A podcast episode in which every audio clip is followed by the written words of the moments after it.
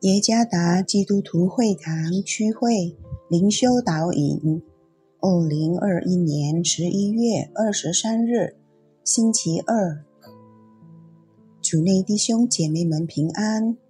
今天的灵修导引，我们要借着圣经《哥林多后书》第一章第三到第四节来思想今天的主题：在患难中感恩。作者沈天良传道，《哥林多后书》第一章第三到第四节。愿颂赞归于我们的主耶稣基督的父神，就是发慈悲的父，赐各样安慰的神。我们在一切患难中，他就安慰我们，叫我们能用神所赐的安慰。去安慰那遭各样患难的人，在舒适和富足的状态下，感恩和赞美上帝是一件很常见的事。就像有人因工作升职、考试时顺利通过，或从疾病中康复而荣耀上帝一样。但能在受苦的状态下感谢上帝，真的是一件很特别的事。我们可能会问：那是怎么可能会发生呢？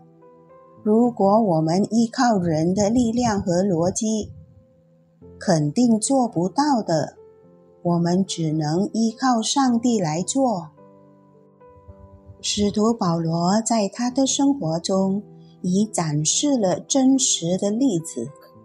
虽然在逼迫和患难中，他还是依然的感恩和赞美上帝，甚至他还能够安慰其他受苦的人。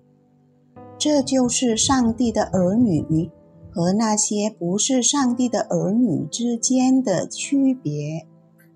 这两个可能都面对同样的问题。但回应却不同。那些在基督之外的人，容易感到失望和责怪环境，他们变得害怕和绝望。但信徒就不一样了。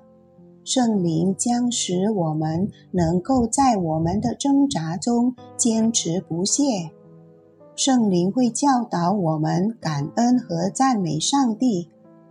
这是因为我们的力量和希望不在于我们自己，而在于上帝。他是应许带领我们并与我们同在的上帝。上帝是我们穿越黑暗幽谷和生命荒漠的唯一力量。使徒保罗为什么在患难中还能够感恩呢？有两件事：第一，上帝总是会安慰那些在患难中的儿女。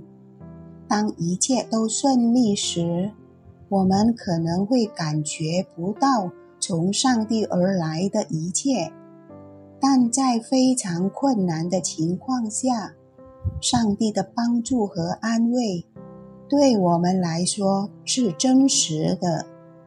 第二。上帝的安慰使我们能够安慰其他正在受苦的人。我们能够分享上帝如何在患难中加强我们。那些故事将成为其他听到他的人的见证。